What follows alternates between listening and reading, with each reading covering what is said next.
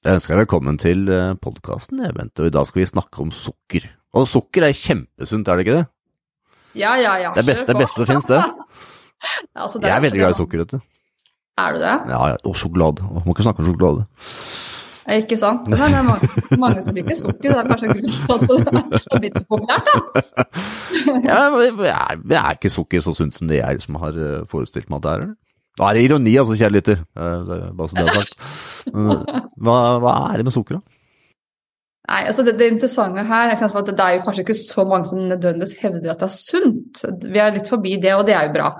Men utfordringen er jo at veldig mange undervurderer hvor skadelig det kan være for mange. At mange kan si at ja, men altså, vi må jo kunne unne oss litt. og Mange har sånn den oppfattelsen at vi trenger sukker for at hjernen trenger glukose. Eh, men det er jo også feil. Ja, hjernen trenger glukose, men hvis du ikke spiser sukker, så produserer kroppen selv den mengden sukker vi trenger. Så, det som faller på sten, stengrunnen, ikke sant.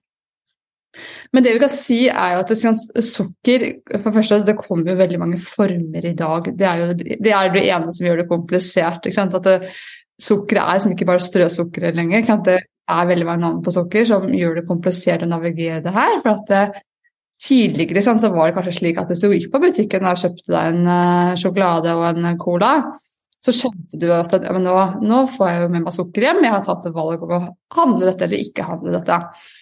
Men i dag så er det slik at det er jo tilsatt sukker i så mye som 75 av innpakket mat. da. Ja, og det er jo et helt enormt tall, og dette her er jo også fordekt i at man f.eks. kaller sukker da, dektrose, som ikke nødvendigvis den jevne forbruker vet at det er sukker. Og når myndighetene da sier sant, at vi skal spise maks 10% tilsatt sukker, og når jeg spør folk da ja, vet du når du har passert denne grensen, det er jo ingen som har noen aning om det. Og når man på toppen av det hele da får med seg sukker i 75 av varene innpakket mat, da, man handler, så er det jammen ikke helt lett å komme under denne grensen heller. Og det er jo det vi også ser konsekvensene av. Selv om livsstilssykdommer, ja, det er sammensatt. Jeg skal ikke si at sukker er det eneste, men det kanskje er den største enkeltfaktoren vi kan gjøre noe med, som i dag har gjort at 70 av den voksne befolkningen har livsstilssykdommer, og 25% av barna. Og når vi tenker ja, tenker nøye til, Frank, altså, tenk deg det at syv av ti voksne har livsstilssykdommer. Altså bare tre friske. Det er vilt. Ja, det er helt sjukt. Men jeg ser det jo, da. Jeg har jo to barn som er eh, fem og åtte år. Og jeg har jo vært litt eh, opptatt av at de har fysisk aktivitet. Og da gjerne type organisert eh, fysisk aktivitet. Og da har jeg sett at det, det er jo ikke helt sånn barn, eller mange barn iallfall, det er jo ikke helt sånn som det var når jeg var yngre, nå er jeg jo 42 år, da. så det var ikke sånn som jeg var yngre. Da var det kanskje ett eller to barn som kanskje var litt overvektige. Mens nå er det jo stikk motsatt. Nå er det jo ett eller to barn som ikke er overvektige. Så det, er jo, det må jo være det må være et eller annet som Kanskje det er litt lite aktivitet og litt mye sukker, tenker jeg. Da. Brus eksempelvis. Det er jo bare drikkesukker. ja, altså du kan si at det med aktivitet det er jo litt omdiskutert. ikke sant? For aktivitet er bra for alt. Det må jeg bare understreke en gang. Jeg er ikke motstander av aktivitet, jeg er veldig tilhenger av aktivitet. Når det gjelder i forhold til dette med vekt, da, så har egentlig aktivitet veldig lite å si. Altså, det er sånn bare promillen på toppen. Det er hva vi spiser som er det viktigste når det gjelder kommer det vekt. Da, ikke sant? Men ja, vi skal selvfølgelig være aktive, det er superviktig. Og når det gjelder barn i dag, dette blir jo en liten digresjon, men jeg er jo selv mamma til en ti- og tolvåring, og det jeg ser som er kjempeutfordrende, syns jeg, da, er jo nettopp det digitale samfunnet vi har i dag, på godt og vondt, som gjør at det, før så tenkte jeg sant, da jeg ble mamma at jeg skulle i hvert fall ikke legge opp til et opplegg hvor barna hadde aktiviteter hver dag, for de må faktisk også slappe av hvis de skal skape stress. liksom. Men vet du hva, da tenker jeg litt uh, annerledes om det, fordi konkurrenten til fritidsaktiviteter er skjerm. Er, altså, så fort barn har et ledig sekund, så tar de frem skjerm. Og spesielt når de kommer i en alder hvor de får telefon, så syns jeg for jeg som mamma det er veldig vanskelig å holde dem borte fra skjermen. Selv om vi gjør alt vi kan med skjermtider og alt mulig, så blir det for mye skjerm. Og da tenker jeg at da får vi heller kjøre på med aktiviteter, altså, for da er det bort fra skjermen og bevegelse. Så ja, så organisert aktivitet har kanskje blitt viktigere enn noen gang faktisk da, i dette digitale samfunnet. Ja. Jeg er, eh, jeg er vel kanskje det man kaller litt diktator enda på skjermfronten, men jeg kommer sikkert til den der Må kanskje begynne å bli litt mer demokratisk etter hvert på skjermfronten, ja, når de blir eldre. Men enn så lenge er faren ditt diktator der. Nei, det, jeg er helt enig med deg når det gjelder det med, det med skjermtid. Og jeg skjønner hvorfor, hvorfor det er vanskelig, og jeg, alle aspektene rundt det. Jeg har full forståelse for de. Nå er det sukker, Bente. Vi hopper tilbake til sukker. Hva er det som gjør at sukker kan være skadelig? En ting er på en måte vi kan legge på som en Vi har jo meg da jeg snakket om det med sukker på en annen podkast før, vi. Og da snakker vi rundt avhengigheten rundt det. Og det ja. kan jeg kjenne litt på, som sagt, for jeg er jo litt glad i sjokolade noen ganger. Uh, og jeg, Da kan jeg virkelig kjenne på at det, der, det suget liksom kommer. Og hvis jeg klarer å stå imot det noen dager, så går det over. Men om jeg mm. ikke klarer å stå, stå over det, nei, da er, da er, det veldig fort å gå ned den sjokoladeposen igjen. så, ja. så, hva er det som gjør at vi, at vi responderer sånn på sukker? Ja, nei, det som er at Vi har jo ulikt forhold til sukker, så jeg har lyst til å begynne litt der for at det, det her skal henge sammen. For Vi deler det her med inntak av sukker i tre ulike, ulike kategorier. Eh, men det her gjelder også f.eks. inntak av alkohol. Så kan sette litt sånn, tenke to tanker samtidig her. For at Man har, liksom, har det som kalles et sosialt bruk. Det er de som kan ta én bit sjokolade uh, og kose seg med det. Ha sånn den ene mørke biten til kaffen hver dag. Eller de kan ha en sjokolade i kjøleskapet som går ut på dato, og de vil ikke finne på å spise den hvis de åpner den og ser at nå har den blitt litt sånn halvhvit. liksom. Det, jo, det, vil ikke falle dem inn å gjøre. Og de, de, som overspiser aldri, og de vil typisk si at det er jo bare å spise med måte. Ja, det fungerer veldig fint for de. Men de også får jo en litt sånn godfølelse av sukker, men ikke, det blir ikke så mye at det her skaper problemer for dem. Da, ikke sant? Eh, og de får jo veldig sjelden livsstilssykdommer, for de overdriver egentlig ingenting. Verken inntak av sukker eller da alkohol. Ja, de kan ta seg et glass vin en gang blant, eller stoppe halvveis et glass, for den her var ikke så god, eller ja. Så har man de som har det man kaller skadelig bruk. Um, og det er her ofte forvirringen er opp mot dette med avhengighet. da. Men det er stort skille mellom det å ha et skadelig bruk av noe og ha en, utviklet en avhengighet. For har man en skadelig bruk, så vil man mest sannsynlig også oppleve at man får sånn litt sånn lykkefølelse sant, av dette med sukker. Man kan godt bruke sukker til, til egentlig liksom, litt sånn kjærlighetssorg òg, ikke sant. Nå trenger jeg trøste meg litt, og man merker at det, på en måte, egentlig, ja, påvirker hjernen litt og får opp litt energi i da, riktignok. Um, og man kan liksom, si du er liksom, mye til å reise i forbindelse med jobb, så har man kanskje et sånn reise innom bensinstasjon, det er liksom der man spiser maten sin, eller man er student og endelig flytta hjemmefra, det, man kjører på med mye dårlig mat. Ikke sant? Men da er det skadebruk vi snakker om. Ikke sant? Og det, hvis disse her um, enten selv finner motivasjon til en forandring, eller de blir konfrontert f.eks. av en lege, da, så sier at du må gjøre en forandring, du har jo enten fått overvekt eller diabetes type 2 eller har det ikke bra, da, så vil jo disse kunne kunsten å ta seg sammen, som jeg sier, og gjøre forandringer og egentlig lykkes med egentlig ganske mange ulike tilnærminger også. Eh, og de har fortsatt mulighet til å sjonglere litt. Altså de kan skeie ut litt fordi det er julaften eller lørdag eller bursdag eller du skjønner, ikke sant de havner ikke på kjøret igjen, hvis du skjønner, da. Eh, det gjelder både alkohol På sukkerkjøret. Ja. ja, ikke sant. De mister ikke kontrollen, de bare fortsetter livet som vanlig dagen etterpå. Og de har jo bestemt seg for en ny livsstil, og det, det klarer de fint, selv om de skulle skeie ut litt, da. Um, men de kan altså absolutt ha opplevd sug på sukker. Sant? Absolutt sånn søtsug, men det er mer et symptom på at de egentlig er litt sånn feilernært og har fått litt sånn svingende blodsukker. da. Og så har vi jo den siste kategorien som da har utviklet en avhengighet. Og det er faktisk en fysiologisk sykdom i hjernens belønningssenter som gjør at man rett og slett responderer helt annerledes i kontakt med det som man kan bli avhengig av, som både gjelder sukker og f.eks. alkohol eller andre ting. Da. Og det handler om at man for første så man, da har man medfødt flere det som kalles reseptorer, altså mottakere i hjernen for et hormon som heter dopamin, som er sånn lykkehormon, som man er født med, et annet belønningssenter. Og det får en helt altså Man vil utskille mer dopamin når vi inntar f.eks. sukker eller alkohol eller andre ting. Så det gjør at man får det man kaller sånn jomfrukick. Som gjør at hjernen bare wow, og dæsken, dette var, dette var en bra opplevelse. Og når hjernen får en slik opplevelse, så vil man søke tilbake til den opplevelsen gang på gang på gang. Man vil liksom oppleve dette her igjen og igjen. Eh, og så vil man på sikt så vil jo hele belønningssenteret bygge seg om. Eh, man har først det man da kaller en oppregulering av belønningssenteret. At man utvikler enda flere av disse reseptorene, eh, mottakerne. Fordi at når man spiser mye sukker eller man drikker mye alkohol over tid, så vil man på en måte begynne å fylle opp alle disse mottakerne med, med dopamin. Og det er ikke bra for hjernen, for det skal faktisk stå noen sånn reservereseptorer i hjernen. da. Eh, men hvis man fortsetter å spise og drikke, for det gjør man jo fordi belønningssenteret erfarer at dette her er jo veldig bra, eh, så vil man utvikle flere reseptorer for at det skal stå noen ledige da, til kriser, ikke sant? dårlige tider. Og så er det slik at, det, at man fortsetter jo atferden hvis man ikke får hjelp.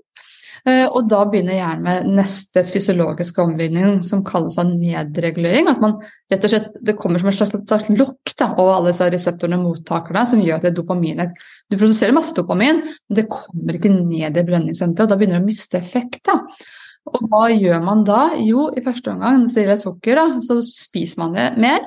Er det alkohol, så drikker man mer. Altså, man merker at mengdene øker. Eller så avhengighetsskapende tabletter, så øker forbruket drastisk på kort tid. Og når det ikke lenger heller gir ønsket effekt eh, og når jeg sier ønsket effekt, så snakker det om å fjerne et ubehag, ikke ha det bra. For nå har man passert det stadiet man har det bra, man bare fjerner et ubehag man ikke skulle hatt der. Og når ikke det her fjerner ubehaget for deg lenger, så kan man bytte det på en måte det man kaller utløp for avhengighet. At man kan gå fra sukker til alkohol, eller fra alkohol til piller, til spill, til trening. Altså kan man bytter og fyller på med ulike ting, da. Ja. Så de som har alkohol, sukker og spilling, de eh, har fulgt på belønningssystemet? Ja, for det, er det som er at vi har Man sier at eh, altså man deler dette med avhengighet inn i to ulike kategorier. Da. Man har det som kalles prosessrelatert avhengighet, og det som kalles inntaksrelatert. Og inntak det er jo det vi kan innta i kroppen som sukker inklusiv prosessert mat med masse karbohydrater. Eh, det er eh, alkohol, nikotin, koffein, eh, piller, narkotika. Så har man de prosessrelaterte avhengighetene. Det kan være overjobbing, at man har ikke kontroll. Det går i ett døgn rundt. Man ofte blir utbrent som et resultat. Det kan være overtrening, altså for langt forbi det som er sunt. Da, ikke sant? At man strekker kroppen altfor langt og prioriterer det foran sosiale ting osv. Uh, og så kan det være spill med eller uten penger. Det kan være skjerm, som vi har vært litt innom her. Og, det, og dette kalles da ut, utløp eller uttrykk for avhengighet. Og det, forskning indikerer at ca. 90 av de som har utviklet avhengighet, har en kombinasjon av flere av disse. Så man, hvis man skal få hjelp å komme seg ut av en av disse utløpene, så er det superviktig nettopp lære hvordan er det her henger sammen, eh, for å forebygge at man ikke bare bytter problem. Da. Og det er vi veldig opptatt av i mitt selskap Frisk uten sukker, så jobber vi med vi ikke på en måte hjelper folk nødvendigvis ut av en akutt avhengighet til alkohol, for det skal, det skal man inn på behandling å gjøre. Har vi det med som et perspektiv når vi hjelper mennesker i våre programmer og snakker om det her og vær oppmerksom på at det er fort gjort at belønningssenteret søker nye veier ubevisst får sur på alkohol, så kommer snikende og så bytter ut noe annet. Mm. Hvilke mm. forskjellige former for sukker er det, Bente, før vi hopper inn på hvordan er det du kan bli sukkerfri? Så kan vi snakke litt om de forskjellige typene, for jeg tror ikke alle vet det. Jeg har, bruker jo jeg har havregryn, og da tar jeg på litt røresukker, sånn brunt røresukker. Vet du. Jeg tenker at det er sikkert sunnere enn det hvite sukkeret. Er egentlig det, eller? Det er sukker, sukker. Ja, ikke sant. Det, det kommer jo an på, for det med definisjonen av sunnhet uh, er jo så vidt ikke sant, og så mangt. Så det kommer an på i litt sånn hvilken perspektiv er det man snakker om her. Eh, når det gjelder det sukkeret du henviser til nå, det som på en måte gjør det noe bedre, det er jo at det inneholder faktisk noe vitaminer og mineraler. Det er en mer naturlig form enn det rent hvite, raffinerte sukkeret, som ikke har noe næringsverdi i det hele tatt. ikke sant? Men det vil jo fortsatt liksom påvirke blodsukkeret ditt, eh, som nødvendigvis er så gunstig for deg. Det kan skape søtsug, og har du en avhengighet til sukker, så hjelper det jo ikke å bruke dette. Det vil være, ha akkurat samme effekt som raffinert sukker. da. Så jeg tenker jo det at vi har skapt en industri for å lage veldig mange alternativer til raffinerte sukker, for det har ikke fått så godt rykte, og det er jo velfortjent. Eh, og da lager man veldig mange sånne substitutter, og jeg er ikke helt overbevist om at det egentlig er løsningen. For at det, nå er det jo slik som jeg nevnte også, at 75% av maten, den innpakte maten er tilsatt sukker. Det gjør jo at vi blir jo påvirket sånn smaksmessig òg, at alt skal smake søtt. Men har de skinke, har man ikke, eller husker jeg veldig feil nå? Jo, det er riktig. Til og med i kokt Ja, det er det. Ja, hvis du husker ja, at det var det. Ja. Ja, og mengden akkurat i den er jo ikke så stor. Nei, men allikevel. Jeg forventer jo ikke at det er sukker i skinka når jeg putter kokt skinke på brødskiva, eksempel. Nei, ikke sant. Det er det som er så Nei, det er det som er så absurd. Og, og, og, i sum, når du får litt her og litt der, så blir det mye. Og enkelte produkter har mye sukker, ikke sant. Så Nei, så, så, så, Jeg tror ikke nødvendigvis disse erstatningene er så bra. for at det, Når vi venner oss til at alt skal smake søtt, da, som man tenker på som en avhengighet for den egen bit til seg selv andre, Eller ikke vi andre, for jeg har sukkeravhengighet, men de andre. Eh, så vil det jo være slik at hvis man stadig venner seg til at alt må smake søtt fordi det blir snikinnført, så smaker jo ingenting godt med mindre det er søtt. Og da, da, er det naturlig at man tenker jo, men hva kan jeg søte det og det med? ikke sant, Og stevia og sukrin og rød Men hvis vi hadde, hadde fått gjennom hele befolkningen på en liten sukkerdetox, så hadde vi jo ikke trengt alt det. For da hadde vi jo merket at jo, men vet du hva, været f.eks., det er jo kjempesøtt. Du trenger ikke sukker over bær, egentlig, hvis du ikke har tilvendt sukker. ikke sant? Så man trenger jo altså Dette er liksom skapt, da. Det er jo god industri, det er masse penger i det. Det er jo ikke noe vi trenger egentlig. Nei, det handler om vaner. og jeg har jo Fra barna mine var små, så har de fått kombucha. Så mm. jeg har vært hos eh, Råstad og kjøpt mye kombucha, og jeg husker jo fra de var små, så hadde de besøk av venner, og så sier han eh, eldste at ja, ja, kom skal du få brus, for jeg sa jo alltid at det var jo brus. For at eh, når du kjøper ordentlig kombucha som har god smak, så smaker det litt som brus. Ja, ja. Eh, altså, kom han kompisen og skulle liksom få brus han, og gleda seg til å få brus han også. Ta én slurk og bare æsj! og han, eh, sønnen min han syntes jo den her var kjempegod, for han som var i det brus. Det var, det var på en måte det vi hadde for, som brus. Ja. Og det var ikke helt sånn noen andre hadde. For det som var brus for han, var jo vanlig brus. Og da smaker jo ikke det samme, så det, det handler altså veldig mye om hvilke vaner man har til ting òg, da. Ja, virkelig. Og det er, det jo vi vet jo at dette med smak det er ganske interessant, for det ser vi at de vi hjelper da til altså, ta bort sukker- og bananavhengighet, eller mm. har man et skadebruk, redusere det, så ser vi jo at det tar veldig få dager egentlig før smaksløkene begynner å forandre seg. Mm, få en absolutt. smaksopplevelse. Og jeg, det høres kanskje helt absurd ut, og er, jeg håper det kan trigge nysgjerrighet da, hos de som lytter. Jeg kan av og til merke at agurk smaker søtt. Og det er fordi jeg har skrelt bort sukker og andre tilsetninger som på en måte døyva smaksløkene. Ja, i hvert fall hvis du har ordentlig agurkfille, sånn som du har dyrka selv eller fått fra en annen som har liksom, det er dyrka ordentlig ikke fra vann.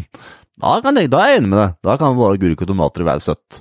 For det, det smaker ja. mer når du har på en måte fått det dyrka fra gjerne selv. Ja, det er klart, jeg, men det her snakker vi om agurk fra liksom uh, Coop eller Rema. Men eh, det er, det er, ikke alltid, så det, de varierer jo absolutt, liksom. Men det sier bare litt om at det, den gang da jeg spiste masse sukker selv, så det, jeg var ikke i nærheten av å tenke at agurk smakte søtt, men det sier jo litt om at smakløkene kan endre så drastisk. Og klart mange som har drukket f.eks. brus, og så kutter de ut sukker og brus generelt. Og så har de fortsatt liksom, i minnet at det her var jo kjempedigg, og liksom, lykken på jord var jo en kald cola, liksom. Men når de da smaker det igjen etter ikke å ha drikket det her på kjempelenge, så får du sjokk. og bare Oh my god, så søtt det var. Det, det faktisk ikke smaker godt. Det bikker nesten over til å bli liksom bittert, fordi at det, man kjenner at det her er jo liksom for langt forbi en naturlig søtsmak. da. Mm.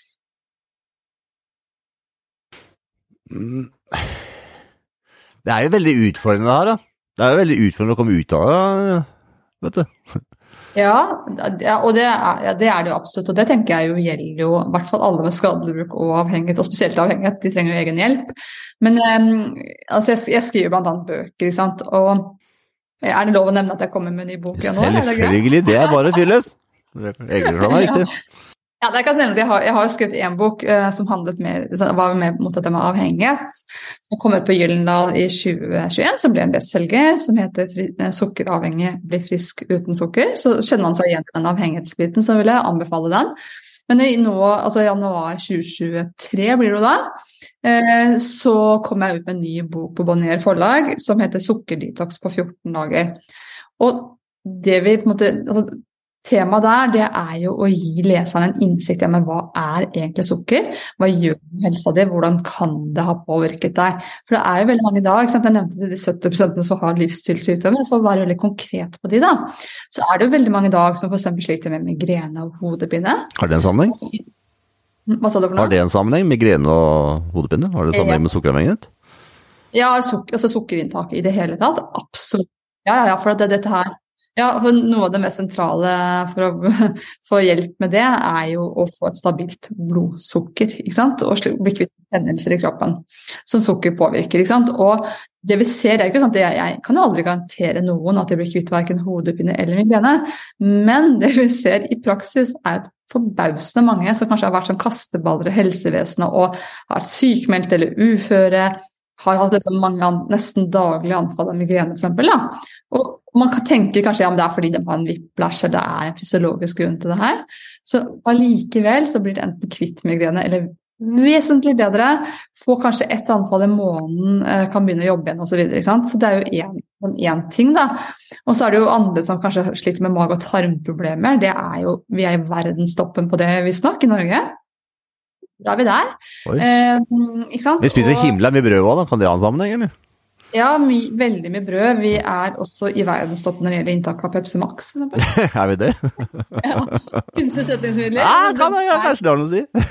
ja, da, vi er land Altså, det er helt absurd. Hvis jeg husker det riktig, så mener jeg vi er på niendeplass i volum totalt. Altså ikke per innbygger, men totalt Lille, lille Norge. altså det, Volum per innbygger er jo helt liksom, skyhøyt. ikke sant? Så, har, så, Det som er unikt med Norge, som er litt interessant, hvis man klarer å se det her litt utenfra, er jo at vi inntar mye brød, og vi inntar veldig mye lett brus. Og mange tenker jo at dette er helt normalt, men det er faktisk ikke det. Vi trenger ikke å reise lenger til Sverige. Jeg var i Stockholm helgen jo ikke nærheten av den mengden brød som vi gjør, drikker som lettbrus. Da. Så det er jo noe, Men bare tilbake til den, den boken. Da, så, så Det jeg adresserer, er jo på en måte at vi får jo en forringet livskvalitet. Det handler jo ikke bare om å forebygge hjerteinfarkt om 40 år, for det er jo ikke nødvendigvis så kjempemotiverende, selv om det burde vært det, for det er jo langsiktig belønning. Men den kortsiktige belønningen det er jo ofte den vi trenger for en forhandling. Og dette Tenk, tenk, om du er en av de som enten sliter med mye migrene og hodepine, eh, problemer med mage- og tarmsystemet ditt, er mye sliten, har svingende blodsukker, stadig sulten, søtsug, deprimert, nedstemt, søvnvansker. Tenk om det å legge om kostholdet kunne gjort en drastisk forandring på dette her. Ville ikke det vært helt magisk? Jeg hadde vært den første siden med kø, jeg. Ja, ikke sant? og det, dette er den magiske pillen. ikke sant? Så det er det her jeg på en måte skal hjelpe leserne med den boken. Som sagt, 'Sukkerdetox på 14 dager'. Har du noen tips her, eller vet du, hva du kan gjøre til eh, lytteren? Hva kan lytteren gjøre for å hoppe av dette sukker, denne sukkerkarusellen?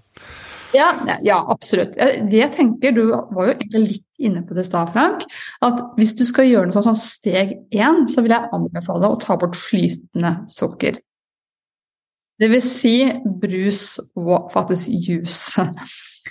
Eh, for at flytende sukker har jo altså hvis, du, hvis du spiser en appelsin, så har den også noe fiber som gjør noe med responsen i blodsukkeret ditt. Men idet det blir laget som en juice, så blir jo fibrene borte, og du får en helt annen påvirkning på blodsukkeret. Og så er det også noe med at mengden blir jo en helt annen, for det skal ganske mange appelsiner til for å lage en liter juice. Du vil ikke orke å spise så mange appelsiner som det du kan innta et glass med juice. da. Så mitt, min anbefaling spis heller helfrukt enn å drikke juice. Eh, og sammen med det med brus.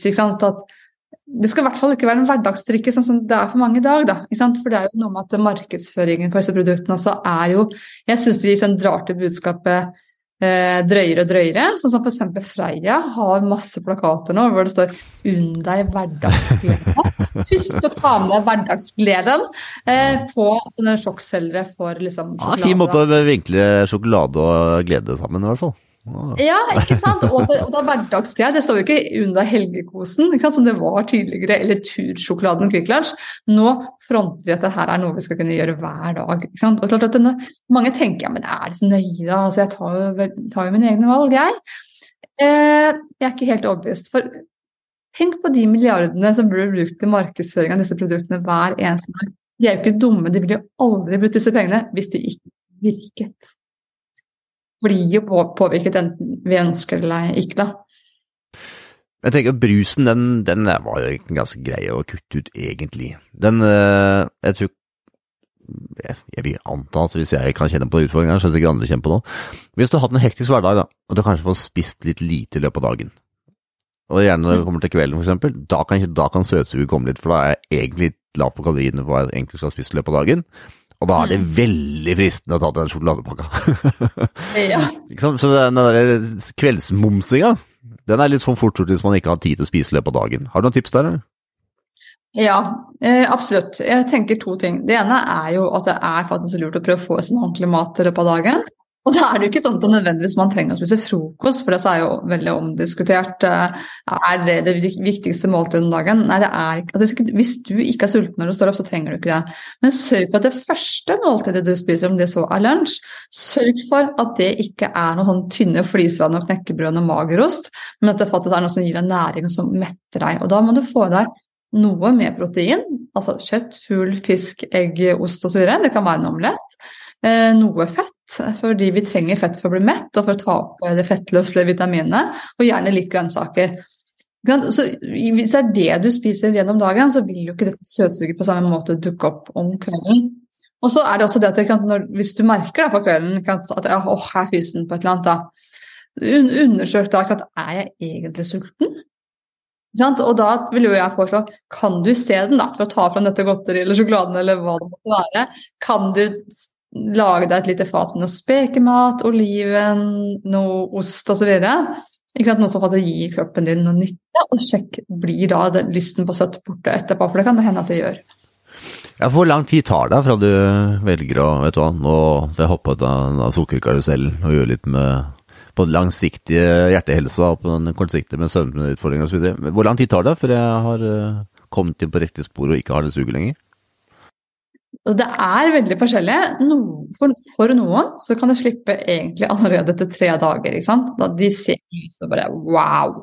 Um, for andre så kan det ta noen dager til, opptil 14 dager. Og i verste tilfelle så kan det vare en stund til. Men det kommer litt an på hva utgangspunktet har vært. Men de aller, aller fleste oppdager store forandringer både på lysten på søtt, men også helsa og formen på 14 dager. Kan det skje ganske store ting. Hva skjer da med belønningssystemet? Endres det på noen måte da? For hvis du er vant med liksom mye belønningssystem med sukker, så vil mangle det litt. Blir man litt sånn nedfor sånn, eller? En periode?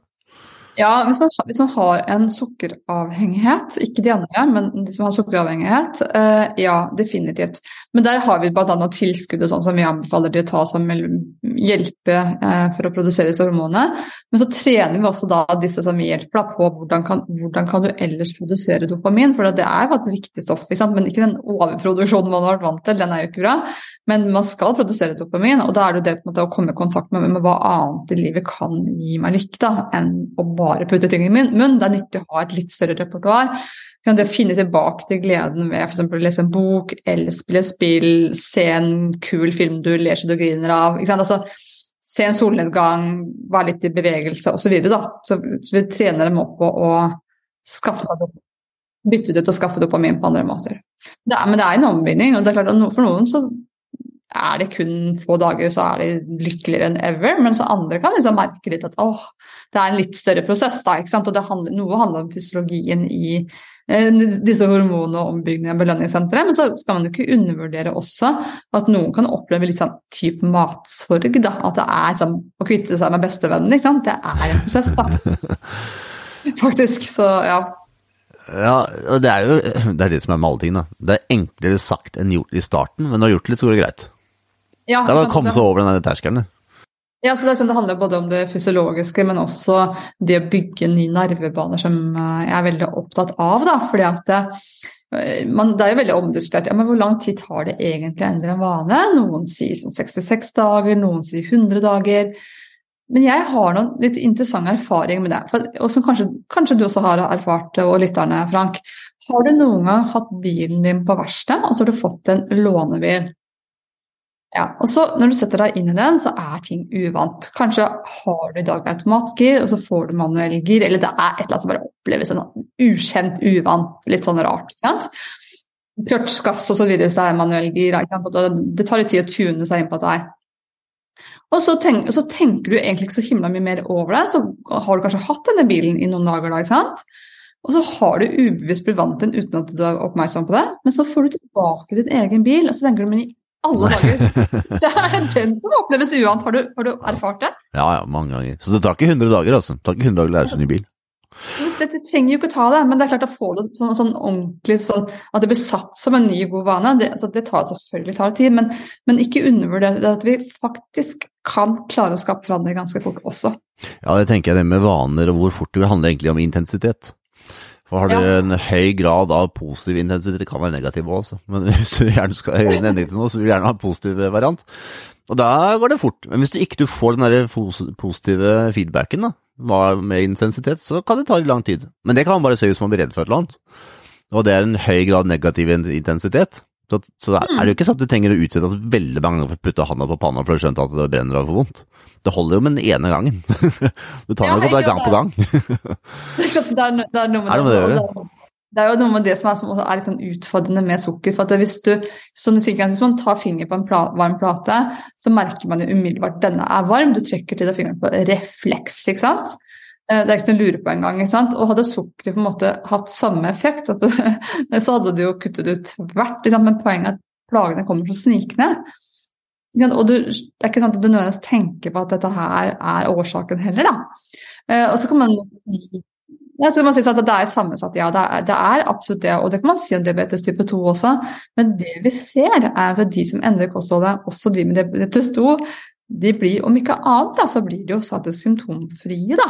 Og enten klarer seg uten medisiner eh, eller med vesentlig mindre på egentlig utrolig kort tid når de gjør noe med kostholdet. Og da tenker jeg, da må de jo ja, Vi kan diskutere oss blå og grønn på årsak og virkning her, men det er i hvert fall en løsning for å komme seg ut av det. Det vi iallfall er enige om, er at sukker kanskje er bra, det, i litt mindre mengder enn det mange av oss er vant til. Det kan vi være enige om. Uansett eh, Ja. hvilken side man er på. Ja, nei, altså Har man bare sosialt bruk av sukker, og man ikke har noen helseproblemer, så tåler man jo litt sukker. For det er jo liksom eh, Vi blir jo eksponert for veldig mye i dag. Miljøgifter og ting vi Absolutt. egentlig har kontroll på i tekstiler i La oss ikke begynne å gå uti der, for da Nei, ikke det er sånn, men Vi har jo altså, For da, blir, da kan jeg sitte og prate en halvtime til, hvis vi begynner å snakke om de eh, delene der. Vi trenger ikke det. Nei, men det, vi, det som jeg skal frem til, er at kroppen har jo en evne til å reparere seg selv og seg selv innenfor en viss grad. Ikke sant? Så at har du dette sosiale bruk av sukker, du har aldri blitt trigget av å spise mye, du har ingen helseproblemer, så går det jo fint. Så det, mitt budskap er jo ikke at sukker liksom skal forbys totalt, og ingen skal ever spise det. Det er jo ikke det jeg sier, Eh, det håper jeg får frem. Men poenget er at det som er viktig, er jo at de rådene man gir må være tilpasset hvilken kategori er du innenfor. For at de offentlige rådene de forutsetter at alle er like, men det, vi er jo ikke det. Og det vil jo ikke fungere på samfunnsnivå å si 'spis litt'. For hvis det rådet hadde fungert, så hadde jo ikke 70% av den voksne befolkningen hatt livsstilssykdommer. Nei, det er helt sikkert. Og samtidig så er det noe med å være litt be litt bevisst da, på at veldig mye av det vi spiser, f.eks. kokoskinke, inneholder sukker. Så det er litt med er vi i toppen med å drikke brus òg. Så det er jo sånne små, enkle ting, men det er det med å bevisstgjøre, da. Det er det, det med jeg tenker i hvert fall, podkastformat også handler om. Det er jo det bevisstgjøre. Det handler jo ikke om å skremme eller, la være å gjøre noe, det handler om å være litt mer bevisst. Kanskje kutte litt ned på litt brus på en dag, eller kutte ned på sjokolade. Eller hvis du ikke gjør det i det hele tatt, kanskje du kan trappe litt opp. Det går an det òg, gå andre veien òg. Hvis man aldri tar så er lov å ta ekstra brus. Ja, ja, Det er det beste valget. Ja, ja, hvis man ikke har et problem med det og man aldri gjør det, så kan man selvfølgelig absolutt være litt gæren, liksom. Så er litt vill og gæren og ta ut Pepsi Max. Ja, nei, nei. er hilsen hun som har jobba for Cola. Takk så mye for tida di, Bente. Og så ja, kan hende når den her kommer ut, jeg er ikke sikker på når episoden kommer ut, så kan du ta oss og si hva den, den siste boken din som eh, kommer ut etter at vi har pratet sammen. Men det kan lytterne høre etter at det har kommet ut. Hva heter den siste boka, Bente? Den som kommer, Ja. den heter 'Sukkerdetox på 14 dager'. Da får du som kjente deg igjen med litt utfordring med sukker. Så finner du den på din nærmeste bokhandel, antar jeg, Bente. Ja, det gjør det, og den er også full av oppskrifter for 14 dager, så den er Mm. Ja, den er bare å glede seg. Så bra. Tusen takk for at du tok deg tid, da. Jo, takk for at jeg ble invitert, Frank. Alltid hyggelig å snakke med deg. Ja, ha det. Ha det.